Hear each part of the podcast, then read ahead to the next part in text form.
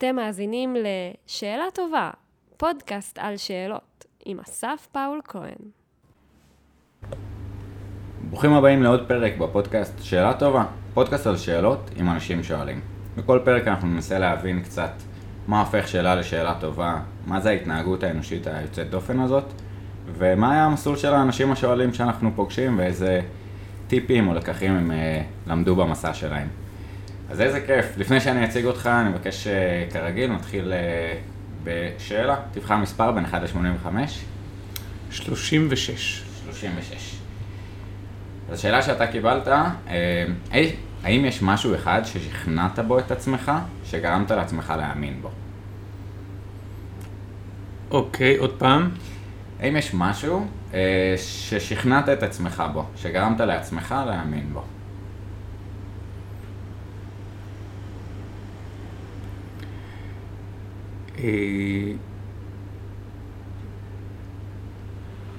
אני חושב שכן, והרבה פעמים.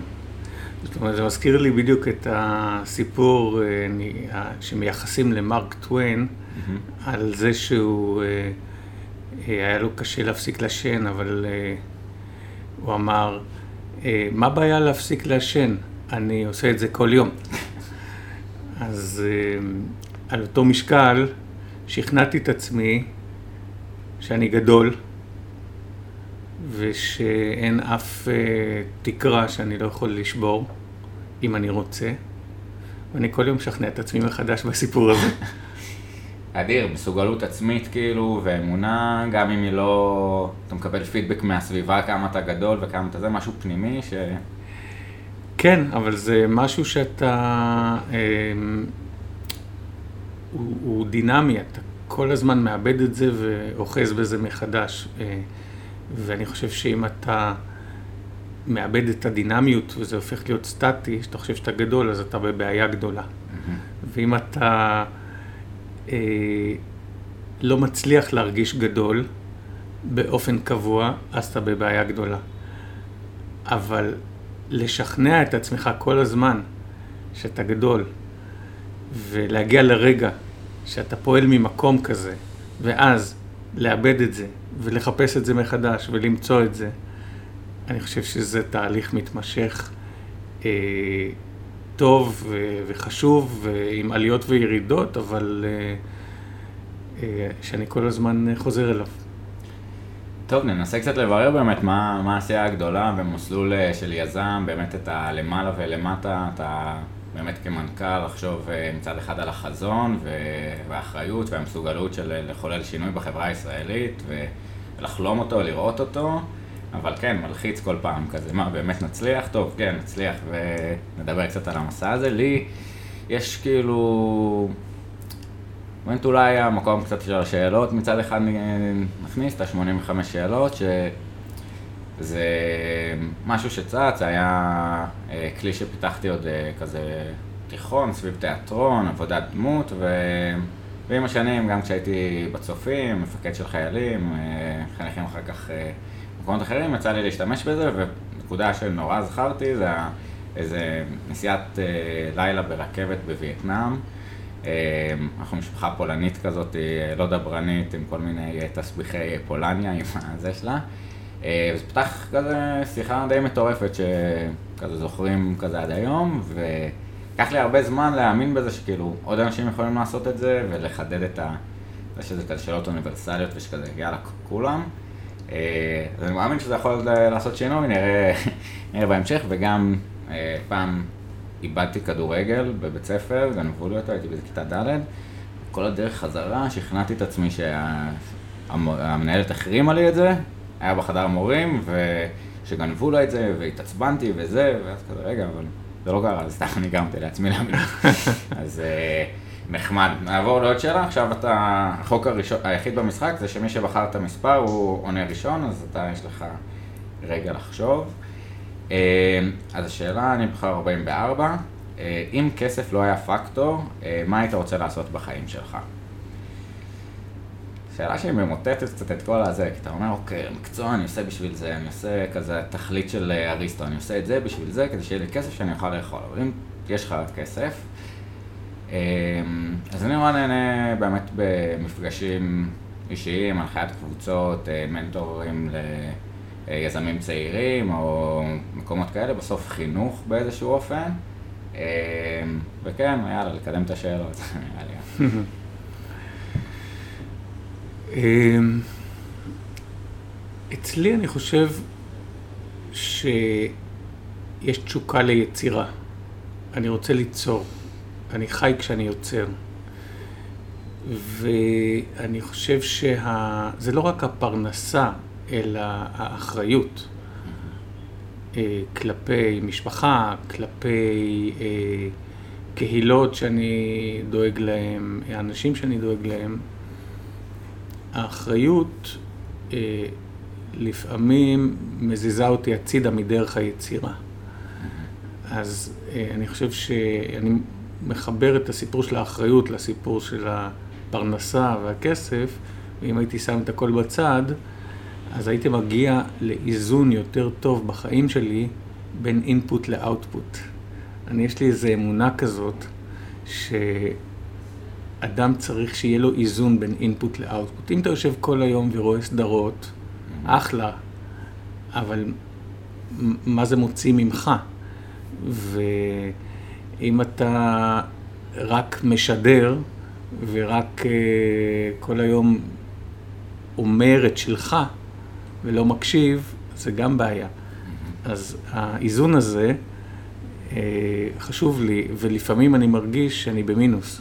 אה, זאת אומרת שאני לא יוצר מספיק, וכשאני במינוס, אז אה, יש לי מועקה בחיים. אז אם אה, לא היו לי כל מיני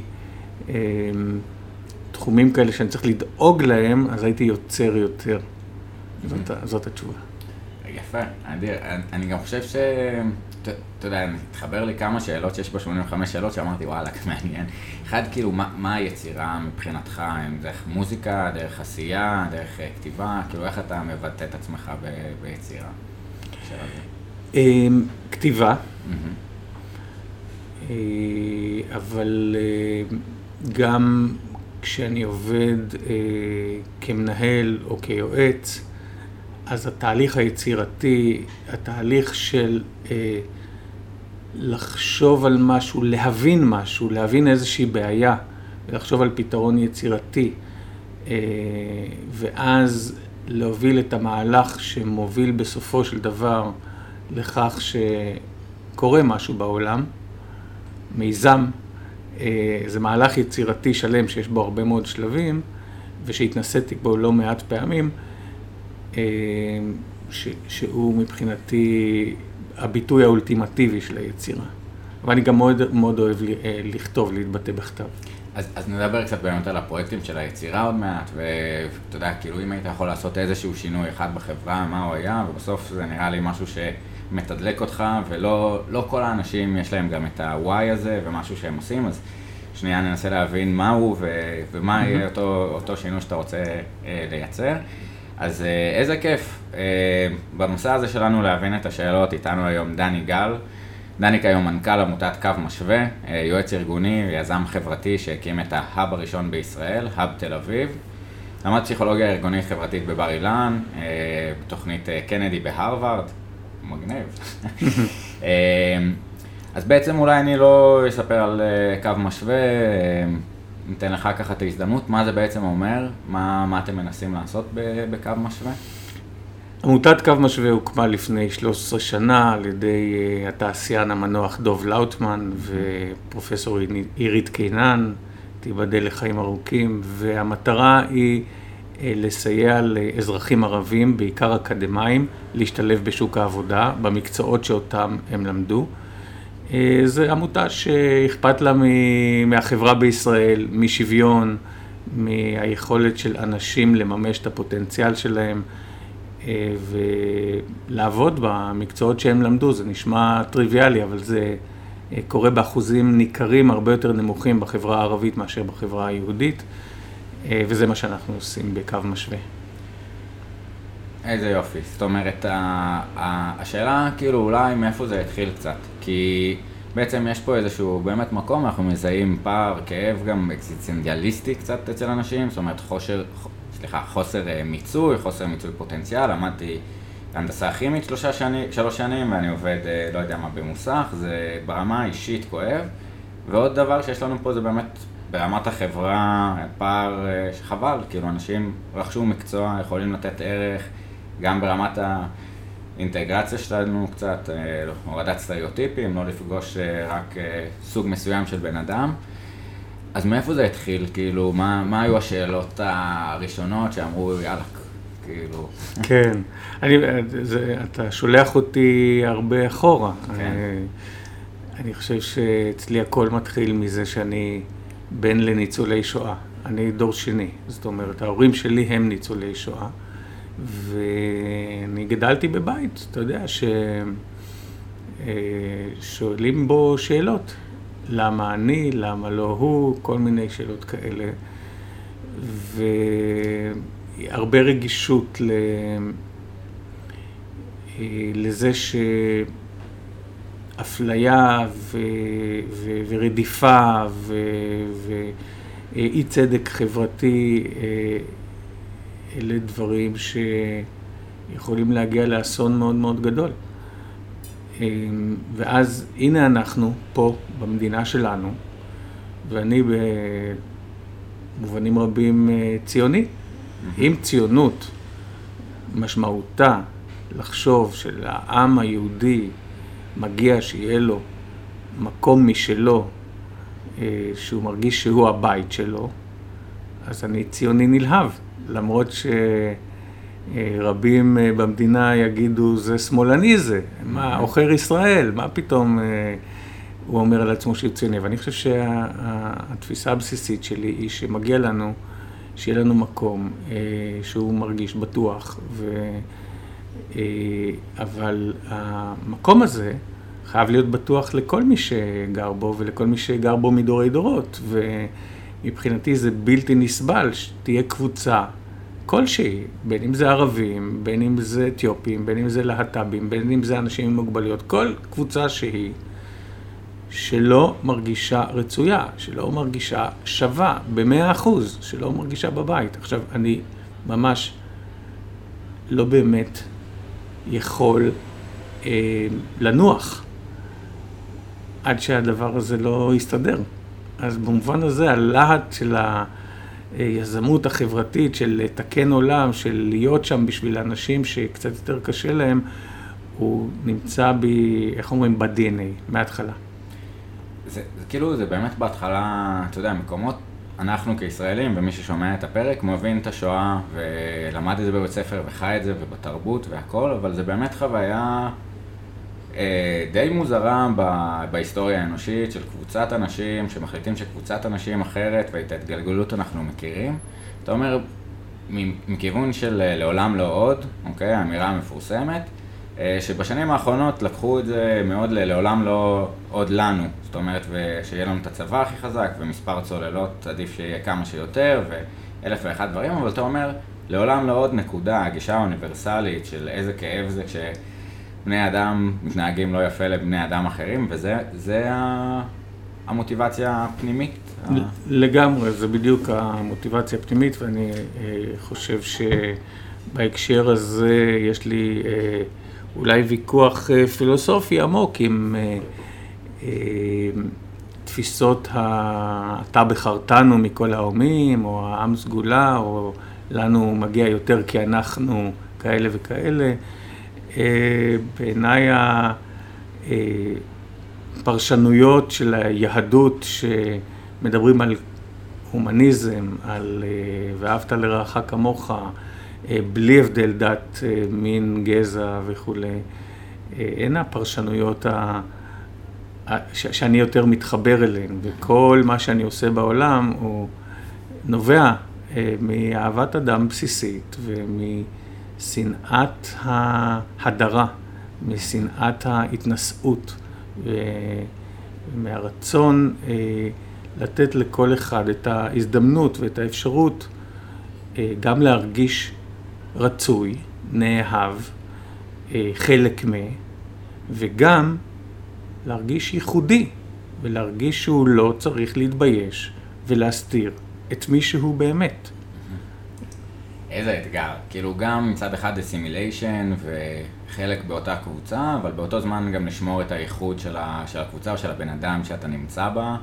אה, ודיברת על אינפוט, אאוטפוט, זאת אומרת נעבור קצת אולי על האינפוט במהלך החיים, באמת תואר בפסיכולוגיה, הרווארד, כאילו הרבה מקומות ש, שאתה סופג מהם המון וסופג גם זווית הסתכלות.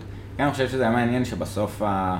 המוטיבציה זה תבנית נוף מולדתו וההיסטוריה האישית, הפנימית, פחות ההכשרות המקצועיות או הדברים האלה. אמ, אז כאילו, כן, סתם ככה, מה לדעתך הדברים ש, שלקחת מהתואר בפסיכולוגיה ארגונית ומהחוויה באמת אה, בהרווארד לתוך העשייה שלך, מהאינפוט לאאוטפוט אולי? Hmm. קודם כל, את התואר הראשון אה, עשיתי באוניברסיטת תל אביב אה, כעתודאי, בגיל צעיר מדי. ולימודי הפסיכולוגיה מבחינתי באו לפני הזמן. אה,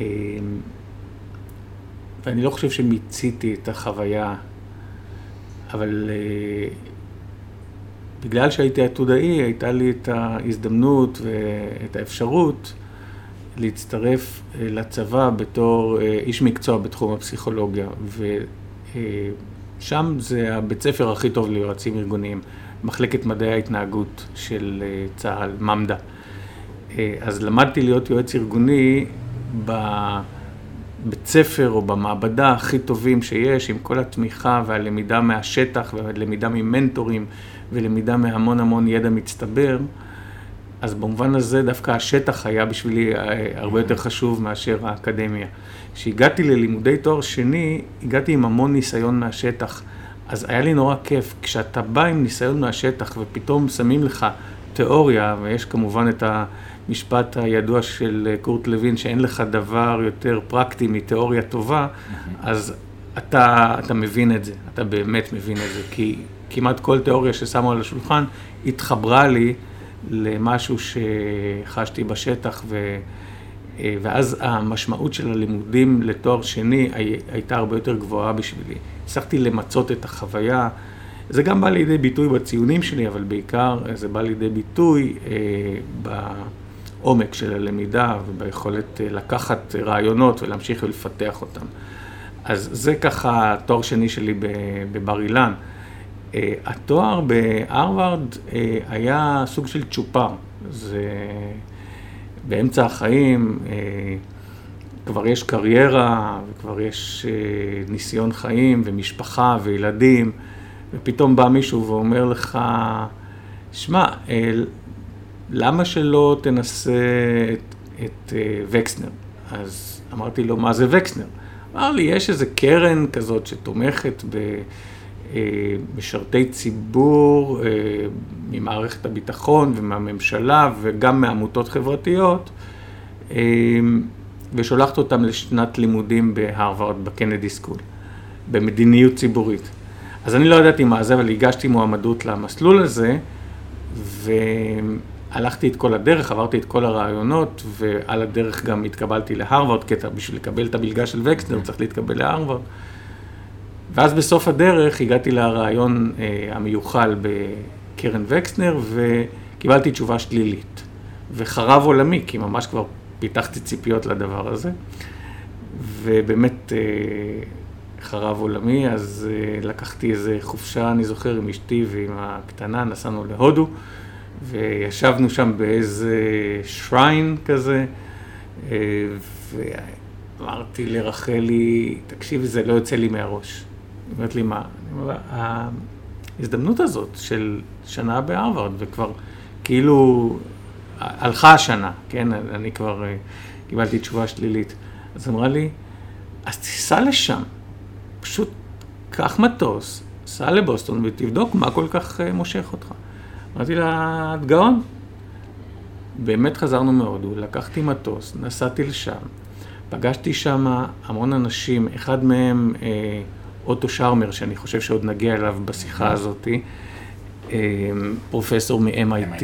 סלון, נכון. נכון. ופגשתי עוד הרבה אחרים, אבל במקרה הזה עשיתי מסע בין כל הישראלים שלומדים שם, ישנתי אצלהם על ה-Airbnb, על המטרס שלהם, על המזרן המתנפח בסלון, וכל יום הלכתי לבית ספר ופגשתי עוד אנשים, עד שמצאתי מלגה אחרת, לא וקסנר, נקראת גלייצמן, מילאתי את הטפסים והם ראיינו אותי וקיבלו אותי.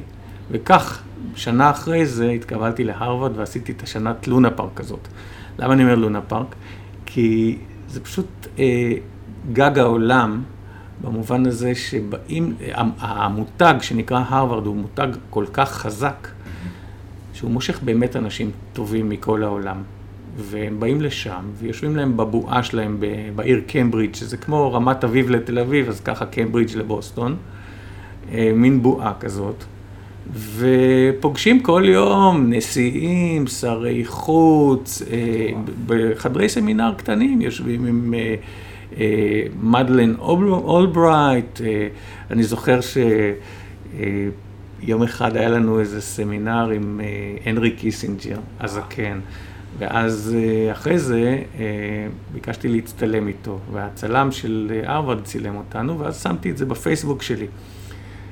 ואז הבנתי כמה אני לא מבין. התחילו להגיע אליי, יש לי הרבה חברים בעולם בכל מיני מקומות, והתחילו להגיע אליי אה, נאצות. איך אתה מעז להצטלם עם פושע מלחמה? ואני אמרתי, מה? אני חשבתי שהוא מהטובים, הנרי קיסינג'ר עזר לנו להגיע להסכמי הפסקת אש עם המצרים, והוא עזר לנו בישראל בכל מיני דברים. מה אמרו שפתח במלחמת... אה, יום כיפור, הקונספירציות או מכיוונים אחרים? אה, לא, לא, לא, לא, מכיוונים אחרים. אוקיי.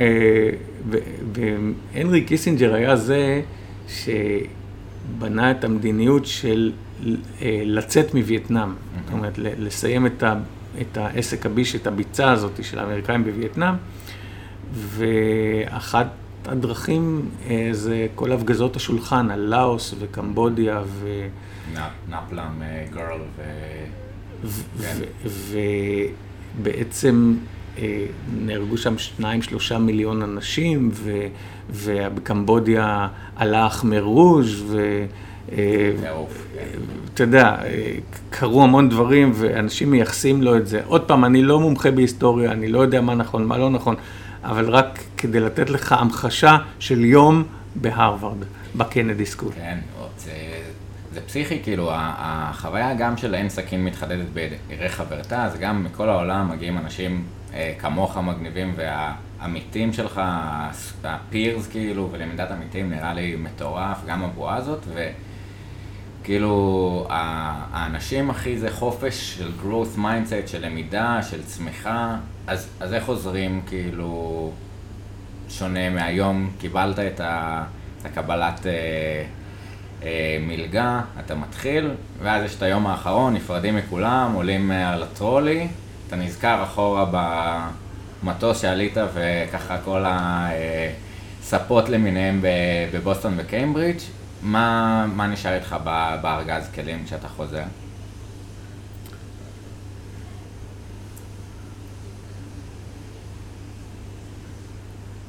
מה שנשאר איתי אה,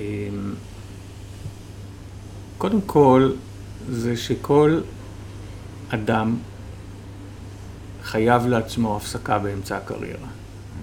לחזור להיות סטודנט. עכשיו, אני יודע שלא כולם יכולים להרשות לעצמם את זה, אבל אני מוכרח להגיד שאני השקעתי בזה 100 אלף דולר מהתקציב של המשפחה. נכון שהייתה לי מלגה, אבל היא כיסתה רק את הלימודים, לא את המגורים, לא את המחיה, לא את הכל, לקחתי את כל המשפחה. אז קודם כל, אני מאוד שמח שעשיתי את זה, אפילו שזה עלה לי הרבה מאוד כסף. אה, וההפסקה הזאת היא, היא קריטית, כי היא מאפשרת לך לתפוס פרספקטיבה על מה עשית בחיים, אה, וגם אה, על מה אתה רוצה לעשות, קדימה. אז למשל, כדוגמה, אני עד אותו יום שנסעתי הייתי מאוד פעיל ומעורב אה, חברתית בארגונים שיצרו מרחבים לדיאלוג בין ישראלים לפלסטינים. הייתי שותף בהקמה של ארגון שנקרא The Center for Emerging Futures, שהוא קיים עד היום, שזה שותפות בין אמריקאי, פלסטיני ויהודי, ואני הייתי בשותפות הזאת ליצירת מרחב למפגשים בבית ג'אלה. שאליהם באים אנשים לאו דווקא פוליטיים, שרוצים להכיר את האחר ולייצר איזשהו אה, מפגש שהוא מפגש אה, ברמה האנושית, שלא עוסק בהכרח בסוגיות הפוליטיות, אלא יש לנו המון סטיגמות אחד על השני, אז פשוט להכיר אחד את השני. ועסקתי במשך שנים בדבר הזה מתוך הרצון לייצר גשר וקרבה בין אה, האנשים שגרים בישראל לבין האנשים שגרים, הפלסטינאים שגרים בשטחים. כשישבתי בהרווארד והתרחקתי מכל הדבר הזה, קלטתי שיש 20 אה, אחוז או 21 אחוז כמעט מהאזרחים של מדינת ישראל שמגדירים את עצמם כפלסטינים. ושאנחנו כמעט ולא מכירים אותם, חוץ מלאכול אצלהם חומוס מדי פעם. ושהם לא משתלבים בכלכלה, אה, רק אה, מספרים, אז הם 21 אחוז, אבל הם תורמים רק 8 אחוז מהתל"ג. אז אתה שואל את זה, איך יכול להיות? ואתה רואה שנשים עובדות באחוזים נמוכים מאוד, וגברים שעובדים, הם עובדים בעבודות צווארון כחול, בעבודות שגורמות להם לשחיקה של הגוף, אז הם פורשים לפנסיה בגיל הרבה יותר צעיר, אז אתה פתאום רואה את כל הדברים האלה, ואז אתה אומר, רגע, אם אנחנו רוצים שלום במזרח התיכון, אם היהודים האלה שגרים פה כאילו וילה בג'ונגל וכל מיני ביטויים כאלה, רוצים רגע לפתוח את הווילה ולייצר איזושהי תקשורת עם הסביבה, למה שלא נתחיל עם הערבים הפלסטינים שגרים בתוך מדינת ישראל? אם נצליח לייצר איתם איזושהי קרבה, איזשהו קשר, יכול להיות שהם אחר כך, אם הם ירגישו טוב, ירגישו בבית, וירגישו רצויים, וירגישו שווים, הם יהיו אלה שיעזרו לנו לפתור את המשוואה הבלתי פתירה עם הפלסטינאים ועם כל הערבים מסביב. אז זה מסוג המחשבות שאתה, כשאתה עסוק בעשייה, באקטיביזם, אתה לא תמיד יש לך את המרחב להתבונן על זה. אבל כשקיבלתי שנה מתנה, הפסקה שם בהרווארד, פתאום התחלתי לראות דברים מרחוק, וזה אפשר לי להבין מה המהלך הבא שאני רוצה. ככה בעצם הגעתי לקו משווה והתחלתי לעסוק בנושא הזה. אז אני חושב שבסוף כאילו זה, זה מעניין שאתה יודע, הרווארד דיברנו, מדלן אולברייט, קיסינג'ר, המרצים הכי טובים, האנשים הכי... ובסוף החוויה המשמעותית זה לא איזה שיעור או לקח ממישהו, זה החוויה של ה zoom out רגע, של ההתרחקות, ניקיון כזה של ה... ואני שואל את עצמי, איך עוד אפשר אה, אולי לייצר רגעים כאלה לכל אחד בחיים שלו של ה zoom out, הקורונה עכשיו זה קצת זמן טוב, שבאמת אנשים מצד אחד ימי העבודה מת, אה, מתארכים, אבל יש לך יותר זמן לעצמך, או גם מתוך החרדה הזאת, הדיסרפשן, לראות מה אפשר לשנות, כאילו קצת הסתכלות גלובלית כזאת. אה, לפני שנעבור אולי קצת לדבר על האתגר ו- ועל ההצלחות של מכנה, של, סליחה, מכנה שותף, של קו, קו משווה, מעניין אותי שנייה לדבר על הפרויקט של הקשר, מפגש, היכרות, הורדת אה, סטיגמות. כי כאילו זו בחירה לא טריוויאלית. הרבה פעמים, אני כירושלמי, עוד לפני שבנו את החומה ואת הגדר, כל אחד אה, זה, אה, כן היה הרבה יותר חשיפה ו- ויותר אתה רואה פלסטינאים וערבים ו- וביום יום, וזה קצת באמת גם עוזר לשבור את החשיבה הסטריאוטיפית. זה לא היהודים עם עסקי כסף והזקנים, כשאתה רואה יהודי ביום יום שעובד איתך, ואותו דבר. אה, עם ערבים. אבל אה, כאילו זו בחירה לא לדבר שנייה על הנרטיב ועל המקום מפגש הקשה, הפוליטי, הטעון, אלא אתה אומר היכרות אנושית אה, כדי לייצר אמון, הדדיות. איך עושים את זה? מה, מה היו המפגשים או החשיבה ככה מאחורי זה? אמ, זה, זה ממש נושא מרתק, זה מחזיר אותי הרבה שנים אחורה, התחלנו בזה ב-2004, 2005. כל מפגש כזה אה, במלון אברסט בבית ג'אלה היה מתחיל במעגל שבו אה, עם חפץ הקשבה שהיה עובר מאחד לשני, שבו כל אחד היה עונה, עונה על השאלה למה הוא בא לפה היום. ואנשים היו עונים אה, ומדברים על החלומות שלהם ומדברים על הכאבים שלהם ומדברים על ה... הפחדים שלהם. והחפץ היה עובר מאדם לאדם, וכל אחד היה מדבר בשפה שלו. ואנחנו היינו מתרגמים לשתי שפות. זאת אומרת, אם מישהו היה מדבר ערבית, היינו מתרגמים את זה גם לעברית וגם לאנגלית. ו... ו... זאת אומרת, לכל השפות, כי היו לנו גם אנשים שהם רק דוברי אנגלית, היו לנו גם אה, יהודים וערבים שלא כולם דיברו את כל השפות. זה תהליך מאוד איטי וקצת מלאה, שמחייב הקשבה עמוקה. וכשאתה מסיים את הסבב הזה, לפעמים עם 80 איש בחדר, או לפעמים היינו מחלקים את זה ל-40-40, אבל זה תהליך ארוך של שעתיים, אתה פתאום מבין שאתה נמצא במרחב של הקשבה, בחלל של הקשבה. עכשיו, זה, זה לא טריוויאלי. מה זה אומר בעצם חלל של הקשבה או הקשבה עמוקה מול הקשבה של אני מהנהן? זה אוקיי? אומר שאנחנו לא מיד קופצים ונותנים תשובה. לנו, אה, הישראלים, יש הרבה פעמים נטייה, להג... כשמישהו מהצד השני אומר לנו, אני ככה וקשה לי, זה בגלל שאתם בחרתם את החמאס, זה בגלל שאתם פספסתם כל הזדמנות לשלום, למה אתם... אז יש לנו את האינסטינקט, גם להם יש כל מיני אינסטינקטים כאלה, ומה שאנחנו יצרנו במרחב, אה, זה היה מרחב שבו אה, עוצרים רגע את הטייס האוטומטי, את התשובות, וממש מקשיבים. ומיד אחרי הסבב הזה, אנחנו היינו אומרים לאנשים, בוא תבחר מישהו מהצד השני שעניין אותך, שמשהו בדברים שהוא אמר עניין אותך, סקרן אותך. ותשב איתו בזוג ותראיינו אחד את השני. ואנשים היו יושבים בזוגות מאוד בלתי צפויים. אני אספר רק אנקדוטה אחת משם. אה, פעם בסבב הפתיחה הייתה מישהי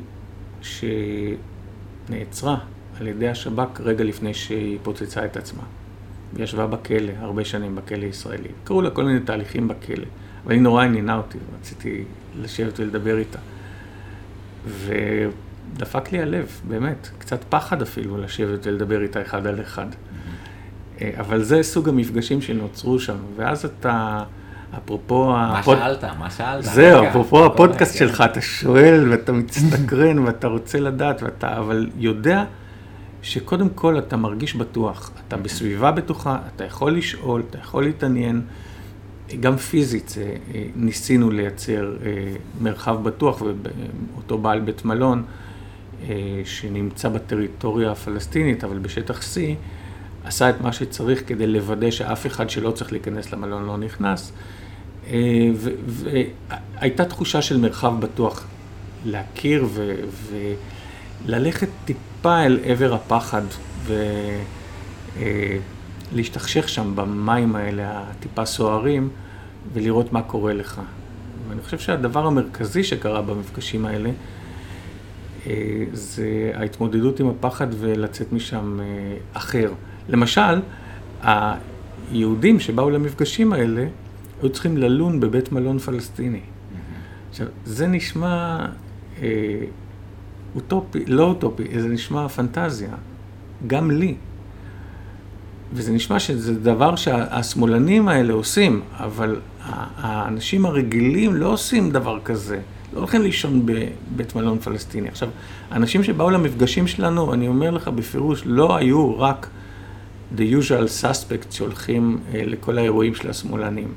היו מכל מנעד הדעות הפוליטיות, והם באו לישון שם. וזה לא פשוט. אתה צריך קודם כל להתגבר על פחד, וגם מהצד השני היו פחדים. אז אני חושב שהסמינרים האלה, היה בהם משהו אנושי של מפגש האחד, כל אחד עם הפחד של עצמו ועם הפחד מהאחר, וברגע שאתה מרגיש יותר בטוח ונרגע קצת, אז נפתח סוג דיאלוג אחר לגמרי, והיכרות שהיא הרבה מעבר לנרטיב ולדעות הפוליטיות, זה כבר לא משנה. לא מעניין, די, זה, זה לא מעניין. נכון. זה, זה כאילו, אחד באמת התהליך של גם כחברה או גם כסביבה, שאתה אחראי על הסטינג, שאתה אחראי על היכולת, אה, psychological safety, באמת לשאול שאלה.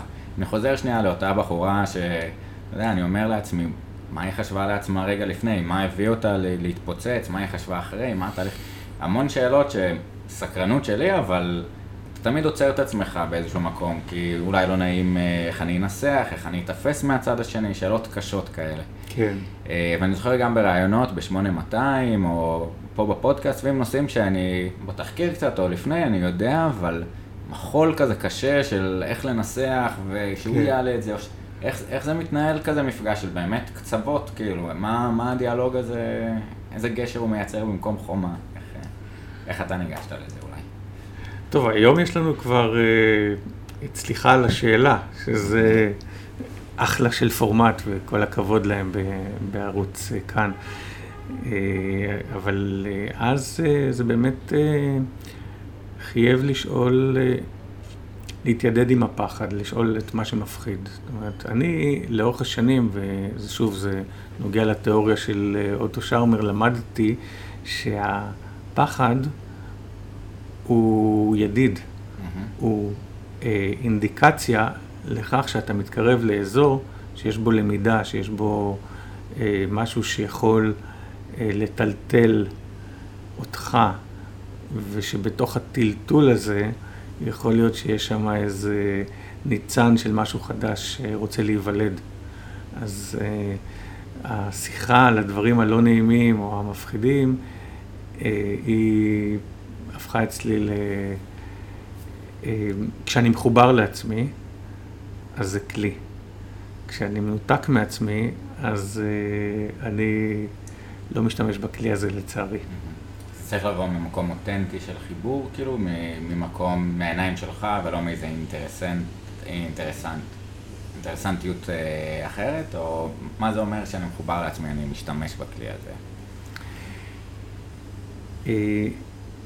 זה אומר שמה שמניע אותי זה לא הפחד, או בעצם, כן, מה שמניע אותי זה הפחד, אבל הפחד החיובי, מה שמניע אותי זה הסקרנות אה, למצוא משהו, ושיכול להיות שהמשהו הזה הוא מערער על אה, תפיסות יסוד שלי. וסתם לדוגמה, לדבר עם טרוריסטית, זה, זה נשמע מסוכן וזה נשמע נוגד תפיסות, אה, ו, וזה באמת, זה אפילו פיזית, זה, זה מייצר דפיקות לחץ, לב כן. ולחץ. אה, ויחד עם זאת, זאת מישהי שישבה בכלא ועשתה הרבה חושבים, ועכשיו היא מתנדבת בכל מיני חבורות רחוב ועושה כל מיני מהלכים שאולי ימנעו את ההידרדרות אה, של המחבל או המחבלת הבאה. וזה היה מאוד אה, מעניין ומלמד לדבר איתה, אז כאילו אם אתה נכנע לפחד ונותן לו למנוע ממך את הלמידה, אתה יכול להיות שאתה מפספס משהו. אה, מאידך, אם אתה מזהה את הפחד כסוג של מנחה, שמרמז לך שהנה יש פה משהו מעניין, אז אתה יכול אה, לגלות הרבה דברים. אני חושב שזה מעניין גם החיבור שנייה לרגש ולדברים הקצת מוח היותר אה, קדום, נגיד השאלה, סימן שאלה כנראה אולי הפריפרנטל קורטקס, איזושהי התפתחות של שפה, יכולת להבין את הבן אדם האחר, זה בכלל כאילו לוקחים קצת אחורה עם המצאת השפה וזה שאנחנו כבר לא קופאים ואנחנו מדברים, זה די מגניב ההמצאה הזאת.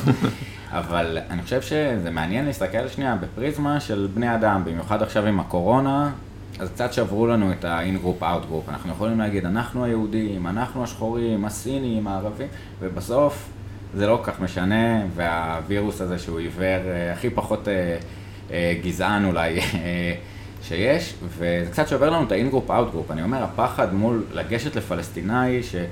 הוא עם האינטרסים שלו, לימדו אותי להיזהר ממנו, וזה מנגנונים בסוף של אה, נמר ביער או שבט אה, מתחרה באפריקה, שהם קצת איבדו את הרלוונטיות שלהם. זאת אומרת, אני כבר, כנראה שלא יתקפו אותי, כנראה שהפחד הוא, אה, או הכעס, או הרגשות שמפעילים אותנו כדי לפעול בצורה מסוימת כדי שנשרוד, כבר לא עד הסוף רלוונטיים.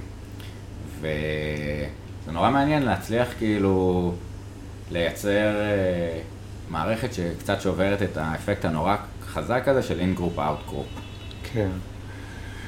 תשמע, הלוואי אה, שהקורונה תסדוק את הצורך שלנו אה, לבדל את עצמנו רק דרך אה, לאום אה, ו- וכל מיני... אה, הצורך לבדל את עצמנו הוא צורך בסיסי, הוא צורך טבעי, הוא צורך שקיים והוא ימשיך להיות קיים.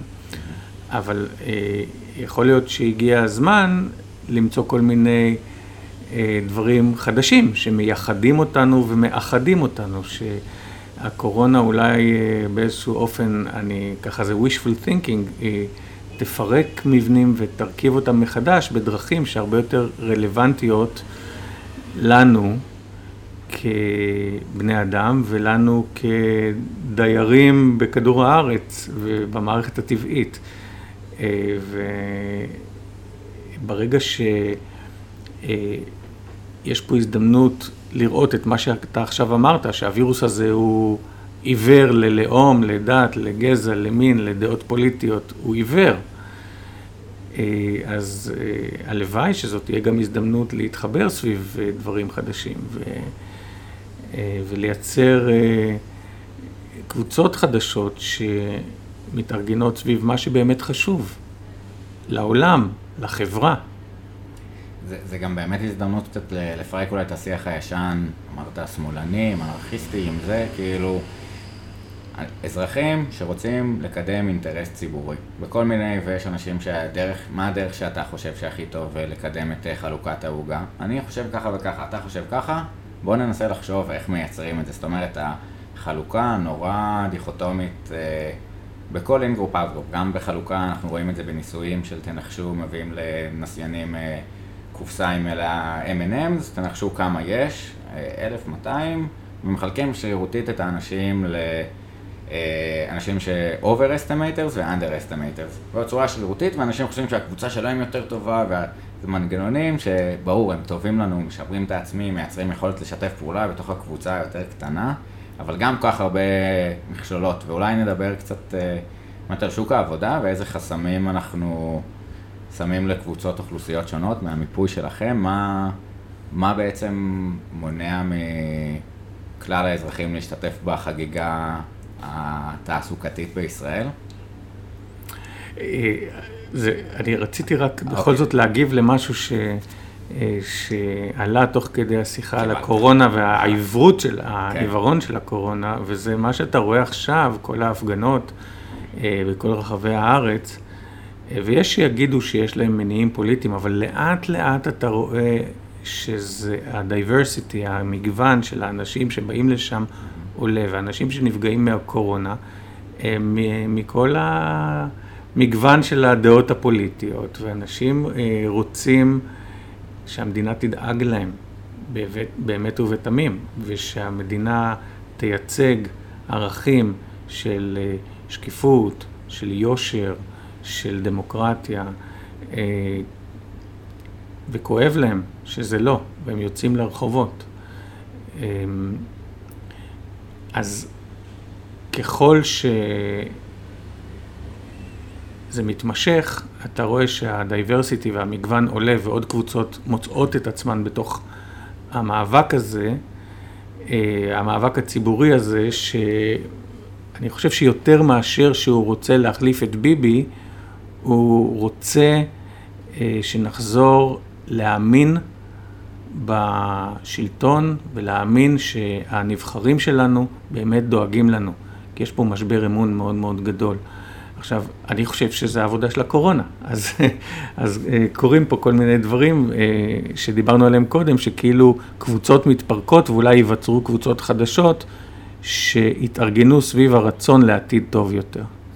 אז זה ככה המחשבה שעוד הייתה לי מהשיחה הקודמת.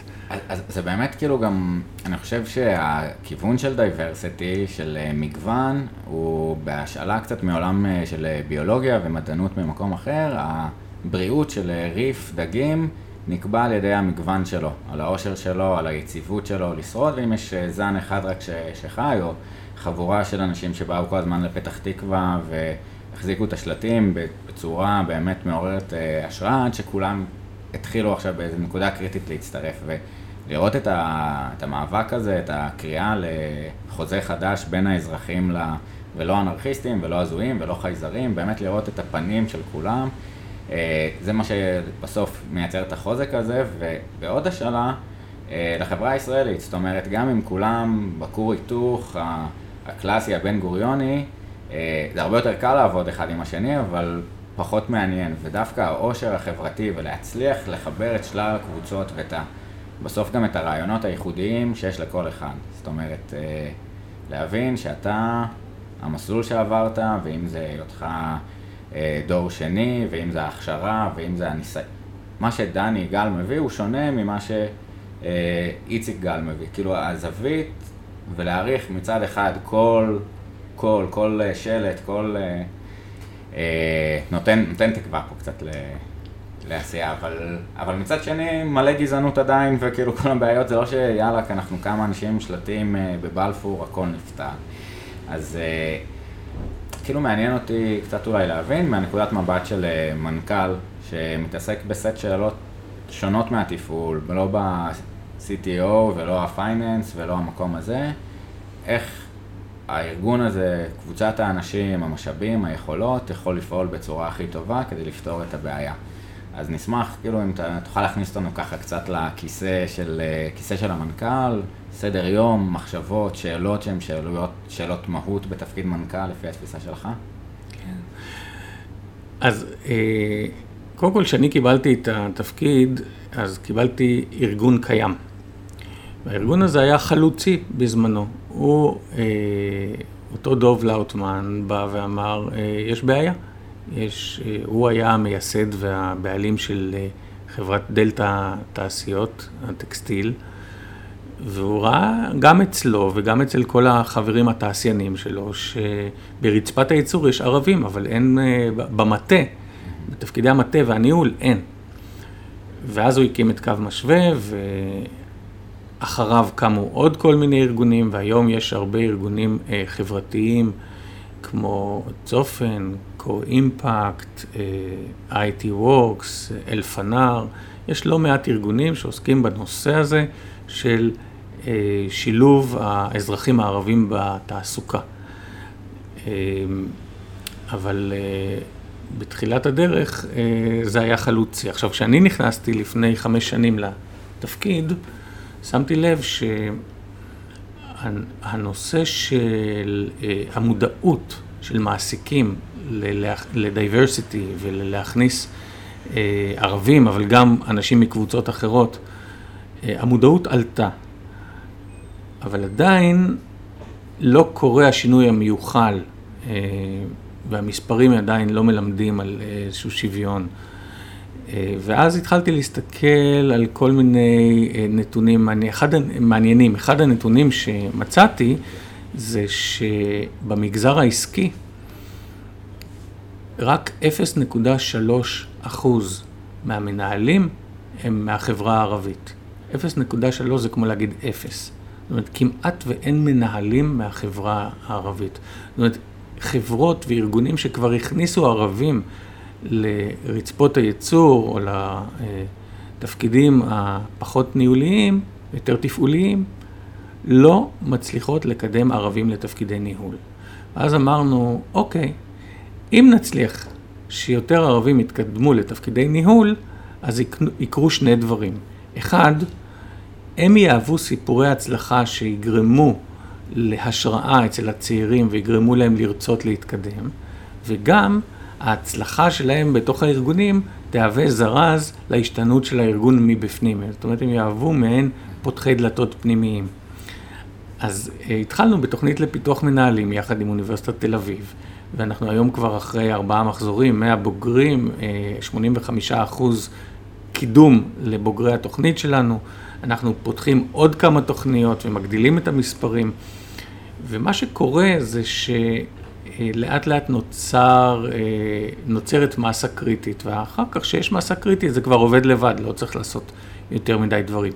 אז אני נתתי לך את זה כדוגמה לאיך אה, מנכ"ל שנכנס לתפקיד מסתכל על מה יש, מה כבר עובד, אבל מה לא עובד, ואיך אתה מייצר פתרונות חדשניים יזמיים, ואני תמיד מחפש את היזמות או את החשיבה מחוץ לקופסה,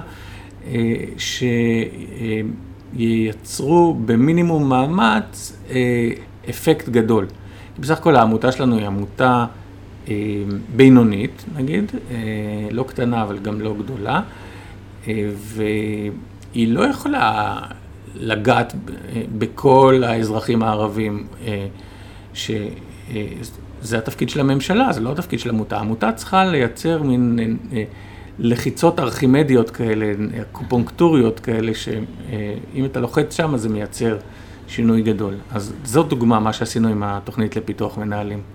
אז באמת מעבר לתוכנית להב של לחשוב איך לייצר את המסה הקריטית הזאת, שזה מגניב, שני דברים תפסו ככה את האוזן שלי בתשובה שלך. אחד זה שאלות יזמיות, מחשבות שהן לחשוב מחוץ לקופסה, להביא, אז דיברנו קצת על, גם על איך אתה מייצר את הסביבה הזאת, אבל איך אתה מצליח להפעיל את המוח של העובדים ואת המוטיבציה ואת הרגש שלהם כדי להביא את הרעיונות שלא חשבו עליהם קודם, כי בסוף אתה צריך לייצר איזשהו שינוי דפוס כדי לאפשר למשהו שהוא גם נובל וגם עם כן. איזשהו יוטיליטי, פתרון יצירתי כזה. זה מעניין, כי יש תהליך מקביל בין מה אנחנו כעמותה מנסים לעשות עם המוטבים שלנו, עם הסטודנטים או עם האקדמאים הערבים, לבין מה אני עשיתי עם הצוות שלי. אני אתחיל לתאר את זה רגע מהצד של השטח ואז אני אעבור לצוות שלי.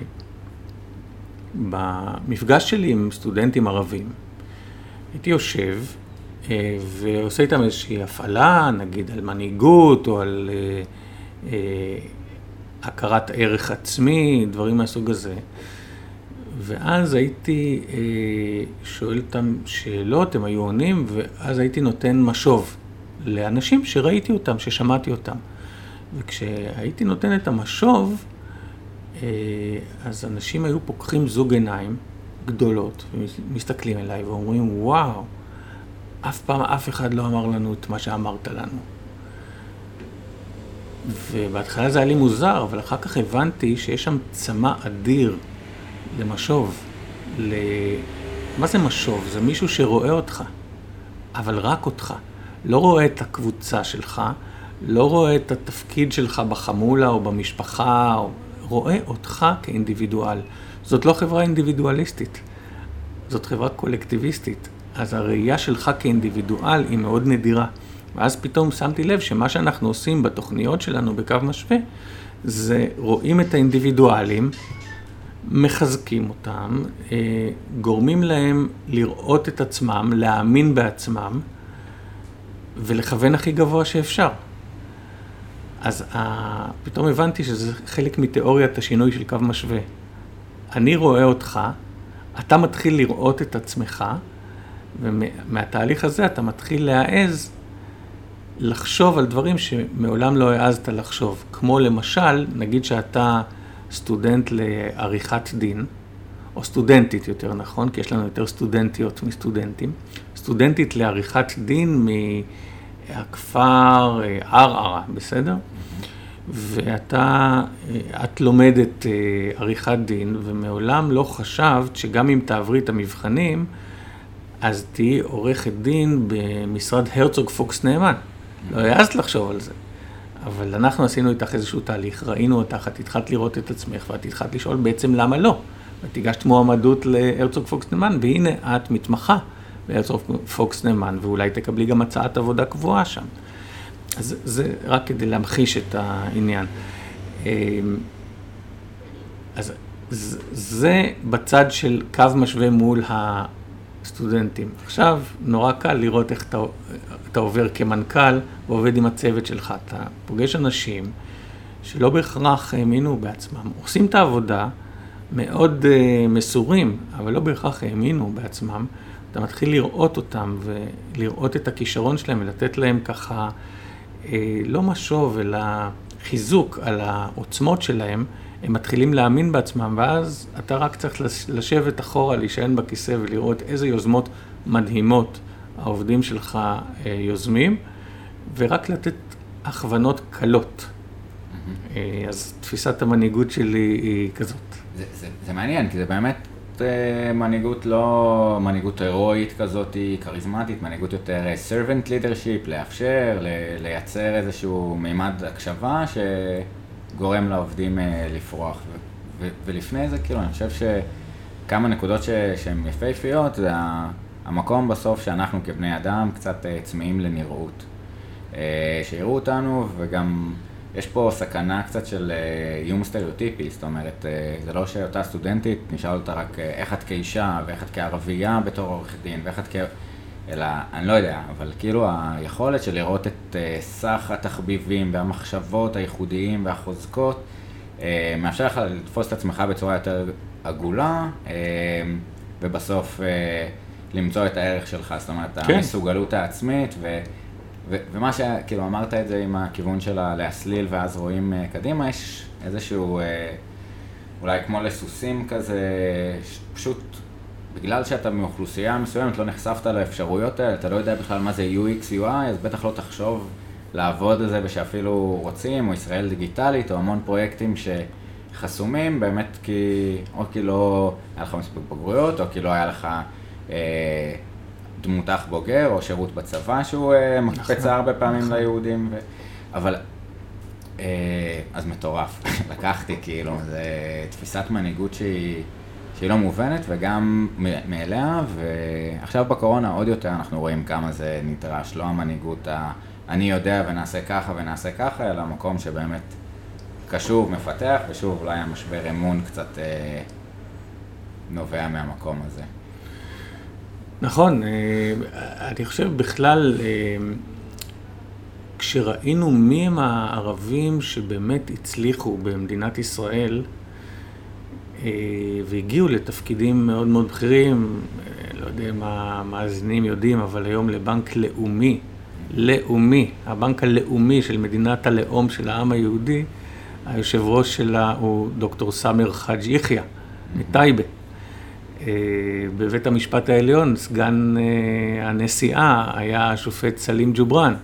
יש ערבים שהגיעו לעמדות מאוד מאוד בכירות אה, ב- אה, במשק או בישראל, וכשאתה חופר לעומק אתה מוצא שלכל אחד מהם הייתה בגיל מוקדם יחסית, כמעט לכל אחד, הייתה בגיל מוקדם יחסית חשיפה משמעותית לחברה היהודית. הייתה להם חוויה של אינטגרציה. ואם אתה לוקח שני אנשים עם אותה מנת משכל ואותו כישרון, לאחד מהם הייתה חוויה של אה, אינטגרציה או היכרות עם החברה הישראלית או עם תרבויות אחרות, אבל יצא מהבועה, ואחד אחר חי בתוך הבועה, הסיכוי של זה שהייתה לו חוויית אינטגרציה להצליח הרבה יותר גדול. זאת אומרת, יש משהו בתהליך של רכישת GPS תרבותי, שאם אין לך אותו, אז אתה לא תצליח למצות את הפוטנציאל שלך. אז אני היום ככה, כשאני חושב על המהלכים הבאים של קו משווה, חושב על איך אפשר לייצר את המרחבים המשותפים בגיל מוקדם יחסית, שיאפשרו לערבים להיות בתוך ההוויה הכללית הישראלית, ודרך אגב, וליהודים גם אה, בתוך, אה, להכיר את הערבים יותר, לייצר יותר ביחד בגילאים צעירים, כדי לשבור את החומות האלה שנמצאות בינינו.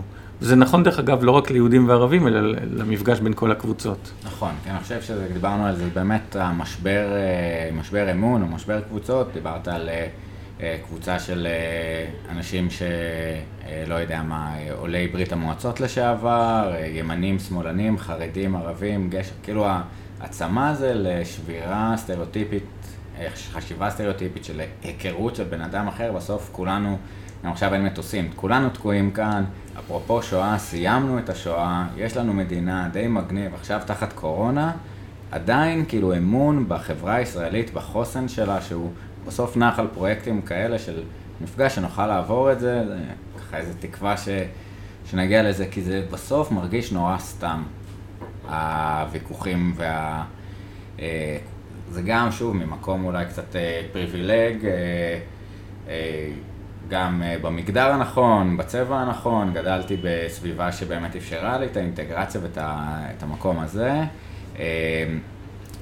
אה, טוב, אני, קשה לי כאילו להסביר שוב, אולי זה התהליך של הזה, אבל להבין באמת מהמוטיבציה שלך, של יאללה, בואו נשבור קצת את החסמים האלה. זה, אני כן אשאל את השאלה, כאילו, מהתפיסה שלך, כי אמרת אנשים עם uh, אותו קורות חיים, אותו uh, מנת משכל, אותו...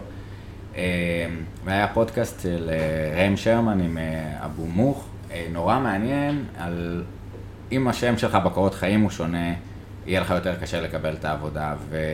ויש הרבה חסמים שהם אחד על אולי אין מספיק היצע, אולי אין מספיק ערבים שעברו את תוכנית להב. אבל המון המון אחריות היא דווקא על חברת המעסיקים, או על, או על הכישורים שהם חסרים, על הדמיון אה, המעריך. יותר קל לי לחתום על מישהו שלא יודע מה היה בצופים או בסיירת צנחנים, מאשר מישהו שאני לא יודע מה זה בכלל אומר, אחראי קהילה בכפר שלו, כאילו... אה, אז במיפוי שלך יש חסמים בחברה היהודית או בחברת המעסיקים, חסמים באמת בחברה הערבית וחסמים בממשק. מה... לדעתך אולי החסם שהוא כבר הכי פחות מהווה חסם, זאת אומרת הייתה התקדמות בו, ומה עדיין מהווה אתגר מרכזי לאינטגרציה הזאת? קודם כל אני רוצה להחמיא לך, אתה שואל שאלות מצוינות. אמ, אני חושב שהמעסיקים מאוד התקדמו, הם מאוד רוצים diversity, הם מבינים את היתרון שבכך. אמ, לפעמים כשזה מגיע ליישום אז יותר קשה להם, אה, אבל הם כבר, אה, אה, אנחנו כבר לא בשלב המודעות, אנחנו כבר בשלב היישום, שזה חשוב מאוד, כי מודעות זה הרבה. אז לדוגמה, אני רואה מעסיקים שאומרים, אני רוצה יותר גיוון, אוקיי? אז אני כבר מתרגם את המודעות דרושים שלי לערבית, אבל בכל זאת לא שולחים לי קורות חיים. אז אני... אמ, אני אומר שאני רוצה, אני מתרגם לערבית, ובכל זאת אני לא מקבל קורות חיים, מה לעשות? אז אני אומר, זה לא מספיק, אתה צריך ללכת ולהכיר את הסטודנטים, ללכת וליזום מפגשים איתם, ללכת אה, לראות מאיפה הם באים, אה, אולי אפילו לעשות הכשרות יחד איתם, אה, שבהם הם נחשפים לחברה שלך. ואם תראה נחישות ו- ופרו-אקטיביות ברצון הזה, אז אתה תשיג תוצאות. ואנחנו מר... עובדים עם מעסיקים שבאמת עושים את זה, חברות כמו אינטל, בנק הפועלים, אה, אה, הזכרתי את הרצוג פוקס נאמן אה, ואחרים. דלויט, BDO, כל מיני... דלויט לגמרי, לגמרי. אז יש... מיקרוסופט, אינטל, מקומות מגניבים. ממש, כאילו, ממש, יש מעסיקים ש... שעושים את זה. אז בנושא של מעסיקים, אני רואה התקדמות מאוד מאוד גדולה. אה, בנושא של אה, החברה הערבית, גם שם אני רואה הרבה יותר פתיחות, אה, קודם כל ליציאה של נשים לעבודה וללימודים. אין, אין מה לעשות, המצב הכלכלי משפיע על כולם וגורם לכולם להיפתח ולהתקדם. אני חושב שבסופו של דבר המחסום העיקרי שהיה ונשאר ואף נראה יותר גרוע מרגע לרגע, זה ההפרדה בינינו. אנחנו חיים בכפרים ובערים שונות, ואם אנחנו חיים בעיר מעורבת זה בשכונות שונות, ואנחנו לא הולכים לאותם בתי ספר ולאותם גנים, והסיכוי לאינטגרציה הוא, הוא נמוך מאוד. תחשוב על ילד אה, ש... ערבי שגר בכפר ערבי. אה, מתי הפעם הראשונה שהוא באמת אה, יפגוש אה, יהודי? אה, אפילו באוניברסיטה כשהוא הולך ללמוד, הוא לא משרת בצבא, הוא גומר י"ב, לוקח לו איזה שנה, אה, מסתובב קצת, אחר כך, אה, נגיד אם הוא, יש לו את הנתונים להיות אקדמאי, הוא הולך לאוניברסיטה, אפילו באוניברסיטה הם הרבה פעמים מתגודדים בינם לבין עצמם ולא מנצלים את ההזדמנות להכיר את היהודים. והיהודים גם נוח להם אה, נכון. להיות אחד עם השני, אז נוצרות קבוצות. ואז הפעם הראשונה שבאמת הערבי מתערה בחברה היהודית זה כשהוא הולך לעבוד במקום מעורב או במקום יהודי. וזה נורא מאוחר. אז אם אתה שואל אותי היום בהסתכלות קדימה, מה החזון? החזון הוא לייצר מרחבים משותפים. אה, אם אי אפשר לשנות את מערכת החינוך הפורמלית כרגע, למרות שבעוד מאה שנה אני רוצה שזה גם ישתנה, אז בינתיים לעשות הרבה מאוד אה, מהלכים באזור הבלתי פורמלי, בתנועות הנוער, במפגשים בין יישובים, אבל לא בסמינר סוף שבוע חד פעמי, בתהליכים מתמשכים. למשל, אני רוצה לציין מאוד לטובה את רעות צדקה, תנועת נוער, שאני יודע שהרבה אה, יהודים וערבים יצאו משם אה, עם, עם אותו GPS תרבותי חשוב, ש, עם פתיחות אמיתית לאחר. אותו דבר בתי ספר של יד ביד, בתי ספר הדו-לשוניים, שיש לנו אחד כזה בירושלים, ואחד בכפר קרא, ובחיפה, וביפו, ובעוד מקומות. הם עושים עבודת קודש שם. אז המרחבים המשותפים הם, וגם מקומות העבודה. מקומות העבודה זה מקומות שבהם באמת באמת מכירים אחד את השני. אתה יודע, דני, הרבה פעמים יש את המקום הזה שאתה אומר, אולי חלק מהשומעים אומרים, די כבר, כמה אתה פועל עכשיו, יהודים ערבים, אתה לא רואה שזה השתנה, מה אתה חושב שהפעילות שלך תשנה משהו? אז אני חושב שזה מרגש קצת לראות uh, באמת עוד uh, עשייה של לדאוג שאנחנו לא נשתנה, ואפשר להיות עם uh, סגולה, אבל להיות גם אור לגויים ולייצר באמת את ההקשבה הזאת, את האמון, ואותי זה מאוד מאוד חיזק. איך כהרגלנו בפעמים הקודמות uh, פחות uh, דשנו בעניין השאלות uh, פר סה, אבל אני רוצה להגיד לך באמת לך המון תודה על להזדמנות להציץ. למדתי המון, אז, אה, אז תודה. יש ככה, אנחנו מסיימים עם שתי שאלות, נעשה mm-hmm. אותן uh, בקצרה. אוקיי, אז בסוף אה, המחאה החברתית אה, עשיתם פרויקט אה, גדול, יפהפה, של אלף אה, שולחנות עגולים. בעצם להפגיש אנשים מכיוונים שונים, כל אחד עם ה diversity שלו, כדי לדבר על המצב ולהגיע קצת למסקנות. מעניין אותי ככה אולי לשמוע קצת על התהליך הזה, מה אתה חושב שהיה, ככה אפשר את ההצלחה שלו, מה, מה לקחתם משם, אולי טיפונת לגעת באיזה שאלות נשאלו בזה, ואיך אנחנו אולי יכולים לקחת את זה למה שקורה עכשיו, להפגיש המון אנשים נורא צמאים, אבל בסוף לפעמים עומדים וצועקים עם שלטים, אנחנו צריכים את המפגש הבין אישי הזה שאפשר לעשות דרך אה, שולחנות עגולים. אז אה, כן, מה נעשה? אה, טוב, אה, זה, זה באמת זיכרון אה, מאוד נעים. במחאה החברתית ב-2011 באמת היו הפגנות חסרות תקדים מבחינת ההיקף שלהן, והעם דרש צדק חברתי, עמד ונשא שלטים, ובאמת זה היה כיף לראות את ההתגייסות הזאת, אבל אנחנו היינו בהאב תל אביב, החממה ליזמות חברתית שהקמתי יחד עם שותף אלי הילמן ב-2009. ו... שאלנו את עצמנו, רגע, אבל מה, מה רוצים? מה זה אותו צדק חברתי? והאם אנחנו יכולים uh, להסכים על דברים? ואז, uh, בגלל שאני גם יועץ ארגוני ועובד הרבה עם שולחנות עגולים ככלי, אז אמרתי, אוקיי, בוא נעשה שולחנות עגולים, אבל uh, לא ל-50 איש, ל- לכולם. והוצאנו קול קורא, והיה חשש גדול uh, אם יבואו אנשים, אבל הכנו מבעוד מועד אה, אלפי אה, שולחנות ומנחים ו- וכיסאות והרבה אה, הרבה תפאורה, כל חברות החתונות שיש להן ציוד. עכשיו הן פנויות גם. כן, תרמו אותו, ובאותו הערב, העשירי לספטמבר 2011, הגיעו עשרת אלפים איש ל-40 מקומות ברחבי הארץ. אני מזמין את המאזינים שלך לעשות גוגל, אלף השולחנות העגולים, ויראו תמונות מהאירוע. וזה היה מדהים, זה היה, אני חושב שזה גם שיא גינס של אה, דיאלוג אה, קהילתי אה, הכי גדול בעולם. אבל מה שאני זוכר, באמת, היה מחשב על כל שולחן וכתבו את עיקרי הדברים ושלחו לנו וראינו. אז היו, דבר, היו דברים צפויים, אנשים רוצים ביטחון, אנשים רוצים חינוך, אנשים רוצים בריאות, אנשים רוצים דמוקרטיה, אבל הדבר הכי חזק שאנשים רצו, אתה יודע מהו? להישמע? אה, זה ברמה האישית אולי, כן, אבל אה, ברמה הקבוצתית, החברתית. צדק? לא יודע, כן, מה? סולידריות. סולידריות. ביחד. Mm-hmm. הם נורא נורא אהבו את האפשרות לפגוש את האחר ולהרגיש בסדר איתו למרות שלא מסכימים על כל דבר. למרות שלא מסכימים על הכל, להרגיש שאנחנו חלק ממשהו משותף, ושאנחנו ביחד.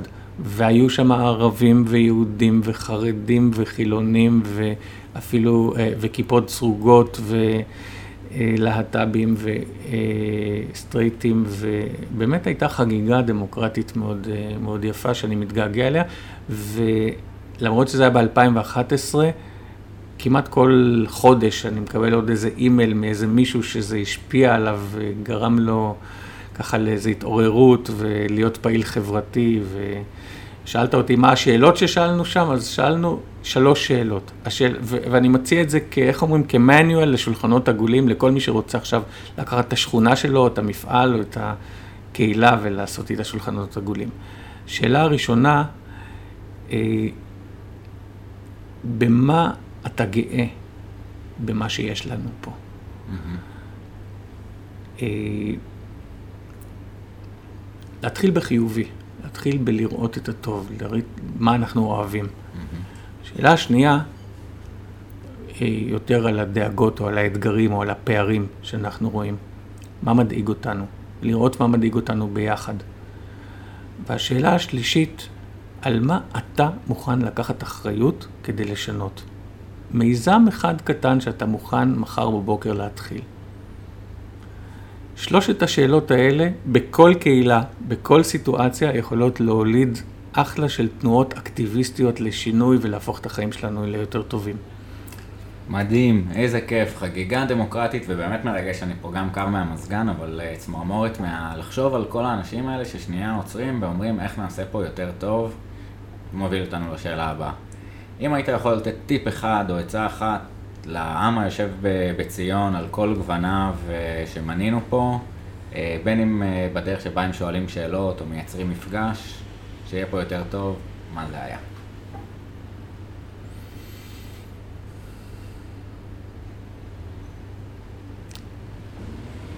לסלוח. פשוט אה, ללמוד לסלוח. ואני מתחיל, אה, וכשאני אומר את זה, אני קודם כל מתחיל עם עצמי.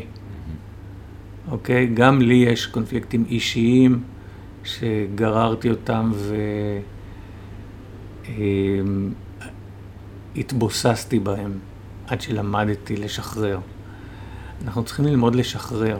שיש ספר מעולה של אה, אברום בורג. אה, לנצח את היטלר. לנצח את היטלר. כן להגיד על הקוף, לא להגיד על הקוף, אני אתן לך.